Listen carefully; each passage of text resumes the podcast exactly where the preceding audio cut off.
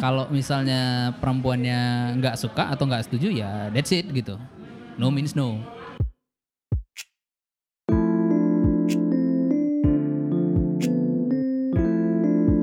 Halo semuanya, kembali lagi di I Think I Wanna Date You dan masih bersama gue Ida Mama.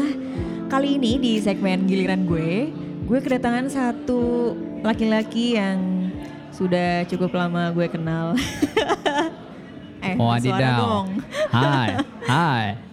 Iya, dan di sini ada Albert. Halo. Halo. Hey, hey. Astaga, coba-coba yang agak Agak apa? nih? behave sedikit gitu. Halo. Jadi Albert ini adalah vokalis dari Eh, saya vokalis dari adalah band. Oh ada band. Bukan ada band yang itu, ada bukan. ada band lain Oh, gitu iya, maksudnya. Jadi kan di sini kamu sebagai pengguna dat- dating app nih ya. Ha-ha. Hmm.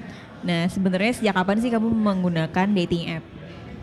Aku pakai sejak tahun 2016 kali, 2016. tapi nggak frequent. Hmm. Sampai Jadi- sekarang masih? Sekarang sih masih. Dulu 2016 itu nggak tahu ya apa mungkin karena starting masih apa ya baru start dating app itu aplikasinya kayaknya baru-baru muncul sekitar tahun itu. Aku aku baru kenal aplikasi itu sekitar tahun itu Oke. dan dulu itu kayaknya belum banyak penggunanya. Jadi lebih sering nganggur. Habis itu aku in- uninstall. Emang apa aja dating app yang pernah kamu pakai? Eh, mostly Tinder Hmm. and Lalu? then O- OKC. Oke Cupid. Yoi. Udah dua itu aja. Dua itu aja. Sebenarnya nggak ada hal spesifik yang aku cari. Karena dalam apa ya? Dalam perspektif aku, Hmm. semua orang punya penempatannya masing-masing. Seperti? Contoh ini, even itu adalah dating app, aku nggak selalu menempatkan siapa pun yang match sama aku, aku ajak ngedate like romance date. Oke. Eh, tapi, nah contoh misalnya gini, aku dulu sempat starting majalah, majalah sederhana lah gitu Hmm. di kotaku di Medan. Nah, aku dapat sosial media manajernya dari Tinder. Oh caranya gimana tuh? Habis match ngobrol, kayaknya ngobrolnya juga nggak panjang-panjang amat. Nah dia eh, sempat ngikutin band aku juga di Medan, si Selat Malaka itu. Oke. Nah, eh, dia habis itu waktu itu awal ceritanya apa ya? Waktu waktu Selat Malaka bikin penontonnya sing along, dia ikut di situ. Habis itu tralala trilili, and then dia suka baca. Hmm. Jadi nggak ada spark yang kayak ini untuk romance gitu. Tapi aku tahu eh, dia ini enak diajak ngobrol dan bisa mengerjakan sesuatu yang sebenarnya apa ya lebih mungkin lebih valuable lah gitu. Makanya akhirnya aku decide, oke dia aku ajak join, aku kenalin sama teman-teman yang lain dan akhirnya dia jadi social media manajernya. Oh gitu. Tapi sampai sekarang masih berkomunikasi. Masih, Oke. masih. Not- nothing nggak ada yang apa ya mungkin memang dari awal start start obrolan itu nggak bukan diarahkan ke arah romance makanya aku bilang even itu dating app kalau di aku pribadi nggak nggak menempatkan itu selalu eh, membuka obrolan untuk tujuan romansa dan sebagainya Mhm. Nah kalau di Tinder atau OkCupid ini ada perbedaan nggak misalnya? Aduh kayaknya aku kalau di Tinder tidak tidak cukup berhasil nih yang cukup oke menurutku OkCupid gitu. Ada nggak? eh Atau dua-duanya sama aja? dibilang sama aja sih enggak cuman mungkin kalau menurut aku nih ya Hmm. sebagai pengguna dating app yang cukup cukup lama mungkin mungkin aja sih Iya. cukup lama tapi pasti ada eh, ibunya mungkin lebih senior kali tapi nah kalau dibuat aku sih sebenarnya Tinder sama OkCupid itu bukan soal persamaan dan sebagainya tapi eh, pola pikir di tiap aplikasi itu beda Misalnya? Nah mungkin karena fiturnya si OkCupid ini apa ya lebih dicacah soal pertanyaan ABCD. Dicaca. Eh, mohon maaf saya generasinya agak beda gitu. Jadi, nah kalau aku di OkCupid itu justru lebih apa ya? Karena terlalu spesifik, justru lebih lebih kurang seru kalau menurut aku.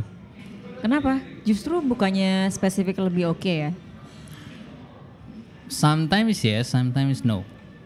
Soalnya gini, buat aku ketika kamu udah tahu dari A sampai Z-nya, what's the point to talk? Oke, terus? Dan apa ya, pengguna OKC juga rata-rata mungkin lebih kalau buat aku lebih mudah meninggalkan obrolan gitu. Lebih nggak ada ujungnya gitu. Pokoknya udah ngobrol, dah selesai. Oh, tidak berakhir akan selalu ketemu ataupun enggak gitu? Yes. Jadi masih opening conversation masih stage one. Oh, oke Dan oke. just ya udahlah nggak nggak ada nggak ada obrolan apa apa lagi gitu. Buat aku sebenarnya yang paling sederhana itu adalah ketika aku bisa dapat gain more dari obrolan itu. Misalnya ada hal yang nggak aku tahu, exchange. Ya. Nah kalau biasanya aku selalu op- open obrolan itu industri apa sih dia kerja atau dia minatin gitu. Even misalnya dia kuliah, dia lagi sedang apa ya, lagi di mata kuliah apa, apa ya, apa kira-kira informasi yang bisa aku dapat dari obrolan itu gitu. Nah cuman kebanyakan banyak yang nggak bisa keep up juga. Bukan aku udah keren bang, enggak, enggak, enggak ke situ. Enggak. Narasinya enggak ke situ, enggak ke situ. Cuman eh, kalau aku kan expectingnya aku dapat sesuatu, aku bisa kasih sesuatu juga. sesuatunya ini apa? Maksudnya bentuknya real kah atau No, more like apa ya? Ya insight sih. Oh, oke. Karena aku aku lebih haus akan insight. Benefit. Yes, jadi aku pernah match sama kontraktor. Perempuan. Yes, perem- of course perempuan. Aku nggak pernah Iya, pakai siapa yang tahu kan kamu beda orientasi kan aku nggak tahu. enggak, enggak. Iya, iya sih, iya sih. Belum cerita sih ya. straight, sayanya straight. Nah, tapi sama kontraktor itu aku justru dapat beberapa insight soal manajemen proyek tralala trile dan sebagainya dan ada match yang lain itu dia baru gerak baru buka perusahaan di bidang kelistrikan Oke. ya udah aku bikin mereka berdua ketemu Oh, wow. mereka bikin project lagi gitu Iya iya iya iya. Jadi kamu lebih lebih memanfaatkan ini untuk networking gitu. possibly yes karena buat aku mengenal orang baru itu tujuannya even itu dari dating app ya mungkin nanti ada yang apa namanya ngelihat aku di Tinder namanya Albert usia 27 kalau ngelihat di bio itu aku lagi apa namanya open recruitment malah open recruitment kantor. Di OKC juga sama sih. Jadi bio aku itu isinya lagi open recruitment kantor. Oke. Walaupun sebenarnya lebih tepat nyari itu di LinkedIn ya kali ya Mm-mm, LinkedIn. ya tapi ya you can find anything everywhere Nah selama ini ada nggak em, apa ya yang masih berkomunikasi sama kamu terus eh, mengharapkan sesuatu yang lebih karena mungkin ada perempuan yang mengharapkan jadi kita apa nih Bert gitu ada nggak yang kayak gitu? Hmm, dulu sempat ada. Dulu sempat ada yang cukup annoying melakukan apa namanya Ngapain eh, emang? teror DM Instagram, terus mulai komen-komen ke foto. Oke. De- itu seriously annoying. Tapi gini eh, sebelum sebelum mengarah ke situ aku mau tanya Mhm. kamu memberikan account sosial media kamu atau ditanya dulu baru kamu ngasih? Dulu waktu case itu aku connect Oh, di Tinder ya? di Tinder. Ini case-nya nongolnya dari Tinder. Aku connect. Nah habis itu aku nggak nggak tahu, tahu-tahu ada permintaan pesan baru gitu, ada notifikasi. tahu-tahu kok makin lama kok makin banyak, kok makin banyak, kok makin banyak. Loh kok notifikasi aku kok ada komen ini siapa sih? Pas ngeliat, tadadadeng, tadadadeng. Oh, Ternyata doi. Iya, iya, Padahal iya, ya sebenarnya nggak ada apa-apa juga. Nah, kalau misalnya kali pertama ketemu, biasanya Hmm. kamu ketemu di mana? Depends. Hmm, Balik lagi. kebanyakan mostly, mostly. Oke, kebanyakan kafe sih pasti. Oke, nah kalau di cafe ini biasanya kamu split the bill atau kamu yang bayar semua billnya atau kamu tanya dulu Aku biasa bayar semua sih. tanpa nanya dan tanpa ditanya dulu. Tanpa iya aku tanpa nanya. Ex kecuali nih Heeh. eh, begitu apa namanya? Tapi kadang nggak nggak tahu juga sih. Aku seringan otomatis. Jadi begitu emang udah udah mau pergi, akunya yang langsung datengin ke meja kasir gitu. Oh. Kalau misalnya dianterin billnya atau waktu diantar bill itu diinterupsi, Mm-mm. terus mau di split bill it's okay juga. Cuman kalau aku nggak nggak tahu sih, otomatis aja. Oke, tapi It menurut kamu, matter. Tapi kamu tipikal orang yang seperti apa? Maksudnya, apakah dengan dengan misalnya si perempuan menawari split the bill, kamu merasa kayak ah gila janganlah ini pride gue gitu. Ada nggak perasaan kayak gitu biasanya? Kalau pride sih enggak, aku nggak aku nggak ngelihat itu sebagai pride. Cuman aku tipikal yang masih apa ya? Kebanyakan walaupun ini adalah kesepakatan untuk pergi bareng, Mm-mm. tapi pasti aku duluan yang ngajak. Oh. Inisiatif itu pasti datang dari aku, Hmm. kebanyakan. Nah, buat aku sih karena aku yang ngajak itu tanggung jawab aku. Oke. Sesimpel itu aja sih sebenarnya nggak nggak ada yang sampai eh, ketika membayar sesuatu itu adalah pride aku atau kadang-kadang ada pemikiran ekstrim yang ketika aku ngebayarin itu adalah investasi. Hmm, karena ada hidden language juga kan ketika I see. apa namanya cowok ngebayarin cewek beberapa kali maka automatically eh, apa namanya kadang-kadang bahasa bahasa tersembunyi itu juga secara nggak sadar kebanyakan perempuan juga mengamini gitu. Oke, mengamini untuk di cover semuanya oleh si laki-laki gitu ya? impactnya sebenarnya Hmm. ketika si cowok itu ngecover semua gitu bill-bill itu maka oke karena dia udah ngecover bill-bill ini ya udahlah ada yang dilus-luskan beberapa Hmm. misalnya mulai jadi touchy Oh, atau eh, mulai berani ya udahlah semobil bareng gitu Hmm. sampai sebenarnya justru ada impact buruknya juga aku pernah ada eh, match pertama kali ketemu ya udah aku langsung dibawa ke mobilnya Oh, jadi si cewek ini bawa mobil. bawa mobil Lalu? nah aku mulai nanya di dalam itu justru aku jadi ceramah Oke. terus kalau aku bawa pisau gimana Terus? dianya dia justru bingung hah kayaknya nggak mungkin lu bawa pisau nah tapi kalau beneran bawa pisau gimana makanya kalau di aku filter kebanyakan perempuan yang aku temui ya Hmm. di dating app itu terlalu kecil resiko yang diterima perempuan itu terlalu banyak Menurut kamu? menurut aku karena Hmm, lebih rentan maksudnya? lebih rentan.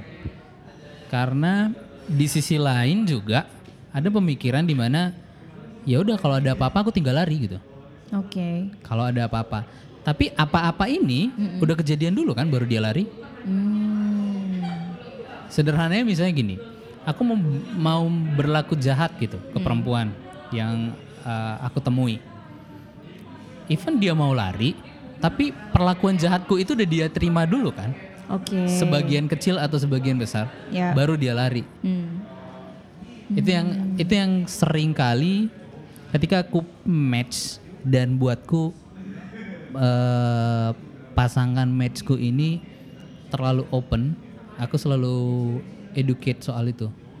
Gimana cara kamu ngobrolin ini ke match kamu ketika kamu merasa kayak ini perempuan terlalu terbuka tuh maksud kamu terbuka apanya nih? Bajunya, pemikirannya. Bukan soal baju dan pemikiran sih, mungkin filternya menurut aku. Filter dalam artian Oh, seleksi cara seleksi dia yes, maksudnya. yang oke kita baru kenal, yang boleh dilakukan adalah sebatas A.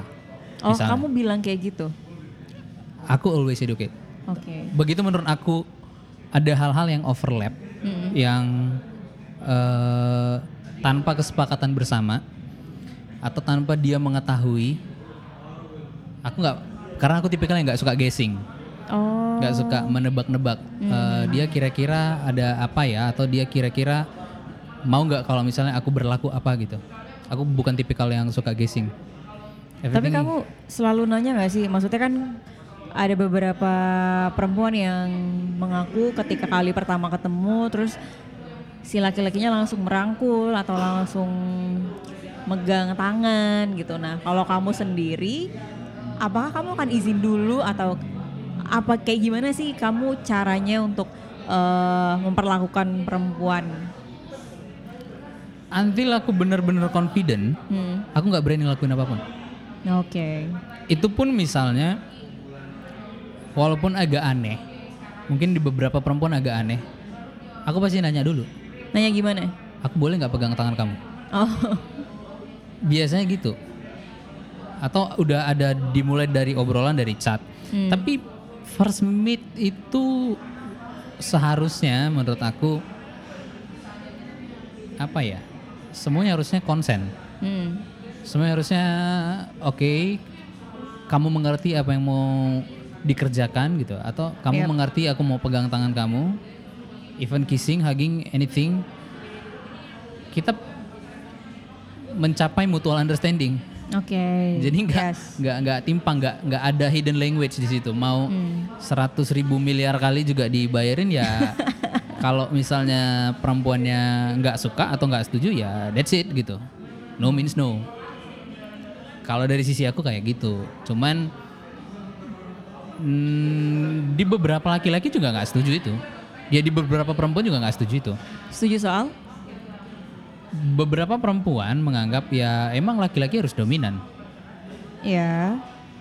Nah kalau aku nggak aku bukan orang yang berpandangan itu. Oke. Ya ya. ya. Eh, memang beberapa aku akui yang aku temui pun laki-laki akan tetap merasa bahwa dia harus dominan meskipun meskipun memang akhir-akhir ini banyak gerakan atau movement atau hashtag kali ya yang em, menyuarakan equality atau perempuan juga bisa dominan gitu tapi ada beberapa lelaki yang memang merasa aku harus dominan dan ketika dia membuktikannya ya memang benar gitu. Tapi memang tidak salah juga menurutku. Nggak kalau buat aku nggak salah sih ya.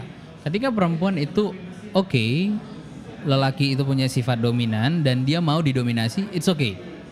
Kedua-dua kedua pihak itu sama-sama sadar gitu. Yang a- buat aku polanya menjadi salah ketika kita belum benar-benar kenal tapi laki-laki udah cenderung dominan makanya itu yang aku balikin lagi tadi soal ada beberapa laki-laki juga yang berpandangan ketika apa ya bayarin perempuan itu jadi kayak investasi. hmm ya ya ya, ya. Aku aku cukup menghindari posisi di mana apa bahasa tersembunyi itu jadi aku lakuin. oke Mulai jadi pelan-pelan eh ya gua kan udah eh, lu kan udah gua bayarin gitu. Hmm nggak apa-apa dong kalau gua pegang tangan. iya iya iya iya. itu sering terjadi soalnya aku beberapa kali ketemu match. Nah, di sisi lain, ya selain soal apa namanya romansa tadi, aku juga sering ya bisa dikatakan nge konseling lah. Beberapa yang match sama aku. hmm Case-nya juga macam-macam. misalnya Ada yang contoh misalnya gini. Ada yang pernah eh, punya problem dengan suaminya. hmm dan dia main Tinder. Oke. Aku bingung dong. Nah. Cuman apakah apakah karena itu lantas aku langsung berasumsi oke dia nggak suka sama suaminya dia emang pengen selingkuh Gak bisa kan Hmm. kalau buat gue ya itu itu itu nggak bisa so, so harus fair nanya "Eh, emangnya apa yang dia cari di Tinder gitu sometimes bukan sometimes sih. Kebanyakan orang ke Tinder itu cuman pengen stranger talk. Cuman pengen gue nggak kenal lu lu nggak akan relate ke siapa pun di hidup gue dan gue pengen numpain unek-unek gue gitu. Sebenarnya nggak perlu. Lebih merasa bebas. yes. Oke. Sometimes that freedom itu yang banyak orang nyari gitu. Gue bisa bebas ngomongin apa aja sama lu tanpa konsekuensi yang eh, karena lu kenal Iya iya kenalan iya gue iya. gitu. iya. Tanpa harus merasa khawatir atau insecure soal rahasianya gitu kan. Yes. Nah, jadi gue sering ya udah tumpahin aja gitu. Lu mau ngobrol ngobrolin apa aja terserah gitu. Hmm. Dan- Tapi kamu ketemu gak sih sama tipikal-tipikal orang yang masih main Tinder meskipun sudah punya pasangan resmi, suami atau istri gitu? Ada Beberapa kali kamu ketemu? Beberapa kali malah aku udah sempat jalan jalan cukup lama kali sama dia. Lately aku tak baru tahu. Nah waktu bareng sama aku itu dianya dia bilangnya itu udah nggak ada apa-apa gitu. Udah apa namanya? Ya emang awalnya itu cerita sama aku mau udahan gitu. Iya maksudnya udah menikah atau? Eh, pacaran doang sih Oh, kalau yang ini case nya oke. Nah, lately aku baru tahu oh ternyata dia masih jadian gitu. Oke. Oh jadi selama kemarin tuh jalan bareng dia masih jadian, masih kayaknya nggak ada apa-apa nih gitu. Hmm. Ya udah so aku udahin. Karena kamu tidak ingin masuk dalam keribetan hubungan mereka atau gimana? Enggak sih, aku nggak pengen tiba-tiba ditabrak sama dari belakang sama cowoknya gitu. Serem juga soalnya. Oke oke. Oke, em, mungkin kalau dari kamu sendiri kan sampai sekarang masih main dating app. Yes. Terus apa yang kamu harapkan sih sebenarnya? Kan kamu udah banyak bertemu perempuan juga kan? Honestly, I expect nothing. Aku nggak berharap apa pun. Lalu? ini mungkin bukan harapan. Aku cuman cuman eh ya ketemu sama banyak orang aja. Hmm, Ketemu dengan person baru dengan apa ya? Ya segelintir kisah hidupnya yang mungkin aku bisa bantu. Karena mungkin karena aku juga pernah ada di state depresi.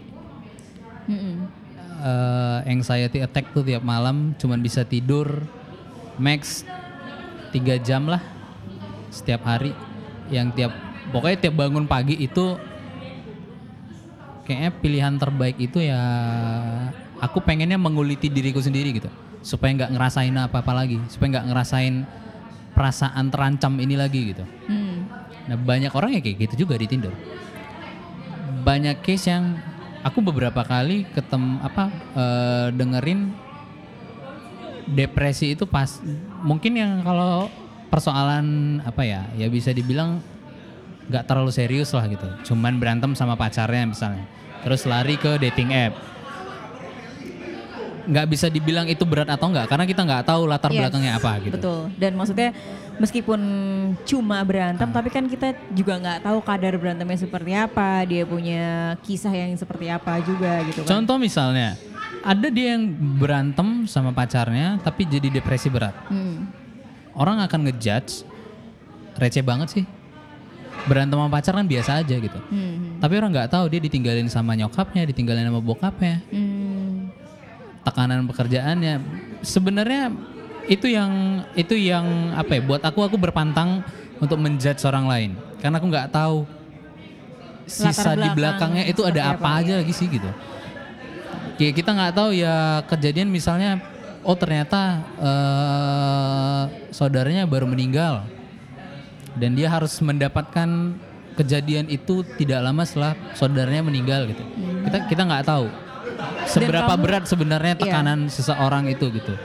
Nah, buat aku aku mungkin lebih lebih mencari apa ya? Mungkin karena buat aku itu ut- utangnya aku gitu. Hmm. Aku survive dari depresi itu ya aku bisa advocate orang lain. Dengan me- bukan meladeni apa ya, dengan menerima beberapa chat atau match kamu yang memang sedang mengalami gangguan seperti itu juga, yang pernah kamu Yes. alami gitu. Yes. Oke. Kebanyakan kan eh, mereka nggak punya tempat cerita, sesederhana itu aja. Iya iya. Mereka nggak punya tempat. Gue cuman pengen numpahin ini aja gitu. Hmm. Tapi gue nggak pengen ada konsekuensi lain dari gue menumpahkan eh, isi hati gue ini gitu. Ya udah tumpahin ke gue aja. gue nggak kenal lu. Iya iya. Ya even gue kenal lu, nanti tiba-tiba entah siapanya siapa, mengenal siapa dari aku gitu. Ya I don't care. Cuman apa pun yang kamu ceritakan sama aku, that's between us. Hmm. Tapi apa ya? Mungkin kalau dari aku ada sedikit perasaan lega karena hmm, kamu menerima dan berusaha mendengarkan mereka gitu tanpa memanfaatkan mereka. Karena kan ada beberapa orang yang mungkin ketika berusaha mendengarkan terus ya merasa invest sesuatu ke orang ini jadi kayak kan gue udah dengerin lo jadi lo juga harus mau dong kalau misalnya gue mau apa dan mau apa gitu kan tapi kamu nggak kan Sometimes sejujurnya itu humanly akan berharap uh, Sesuatu. returnnya ke gue apa nih gitu. Itu humanly. Tapi gue nggak pernah execute. Hmm. Gue juga kalaupun gue berharap itu adalah ketika gue udah dengerin lu, tapi gue sebenarnya sekarang lagi di fase pengennya lu yang denger gue. Oh, but yeah, it's just listening to her gitu kan. Dan kamu juga ingin didengar sama dia gitu. Maksudnya bukan bukan intensi untuk em, melakukan sesuatu yang lebih jauh misalnya kayak eh, physical connection Mhm. tapi dia nggak mau dan akhirnya memaksa gitu kan beberapa ada yang memanfaatkan mungkin Di beberapa case mungkin ada, tapi kalau aku pribadi sih nggak pernah, nggak pernah berintensi. Karena gini, sejujurnya, ketika seseorang udah ada di equilibrium depresi berat, gue disuruh ngulang, ya coba dua detik aja gitu, gue nggak mau lagi. Tapi gue nggak mau lagi, gue nggak mau lagi ada di fase gue nggak bisa tidur, setiap hari ketakutan, setiap bangun dan mau tidur itu masih aja ngerasa takut. Buat tidur yang cuma tiga jam itu doang, itu masih aja sebenarnya ngerasa takut gitu. Takut itu bukan cuman mentally, tapi eh, apa ya? Aku lulus sekitar 5 kg, 5 hampir 5 apa 7 kg gitu waktu itu. Karena Itu depres. eh, kulit kita emang beneran ngerasa aneh. Badan kita itu beneran aneh. ya ya ya ya Orang setiap hari yang yang yang harusnya menerima vibe positif dan ketika ngelihat kita itu kok dia gini sih? Hmm. Itu menginfluence orang lain. Aku nggak aku nggak suka itu. Oke, pertanyaan terakhir. Lalu menurut kamu nih, kira-kira Mhm. ketika apa atau kapan kamu akan uninstall dating app atau udah stop menggunakan dating app? Ketika kapan gitu? Ketika nanti pasangan aku protes. Kalau enggak sih enggak. Soalnya date- buat aku dating app itu nggak jauh beda dengan apps yang lain. Cuman ya karena itu adalah dating app, semua mengerti bahwa dominannya ketika masuk ke aplikasi itu adalah romansa. Yes. Walaupun akhirnya aku nggak akan nanya-nanya Ya, soal and for for a date. Iya, itu juga for a date. dating app kan. Uh, walaupun akhirnya aku bikin itu kayak LinkedIn Hmm. atau jadi kayak Twitter atau Oke. cuma nanya-nanya informasi receh nggak jelas gitu. ya ya buat aku cara aku menggunakan aplikasi itu adalah dengan demikian. Oke oke. Gak ribet-ribet amat. Ribet sih. Iya ya itu itu sebenarnya pilihan setiap pengguna sih. Maksudnya ada beberapa orang yang juga memang specifically dia ingin orang yang seperti ini, dia nggak mau ketemu orang yang seperti ini gitu kan. Kebetulan kamu mungkin lebih terbuka dan lebih punya banyak peluang dan melihat dating app seperti ah aplikasi chat lain atau sepe- seperti sosial media yang lain gitu kan. Benar. Ya kan? Betul kan? Kesimpulan aku. Benar. Oke, Terima kasih buat Albert yang udah mau aku undang sini. Iya, terima Jauh-jauh kasih, Ibu. dari kantornya ya Eh. kan ke Kebayoran. Hujan-hujan pula. Terima kasih juga saya sudah diundang di sini. Sama-sama. Dan buat para pendengar yang mau mendengarkan lebih lanjut di episode-episode sebelumnya juga udah ada di segmen giliran gue dan berbagai cerita sudah aku publish. Dan buat teman-teman yang mau share soal pengalaman yang di dating app, baik itu pengalaman menyenangkan, menyedihkan, mengecewakan, silakan bisa DM ke Instagram at wannadateyou underscore podcast atau ke email di I at gmail.com. Jangan lupa jaga kesehatan. Sampai jumpa di episode berikutnya.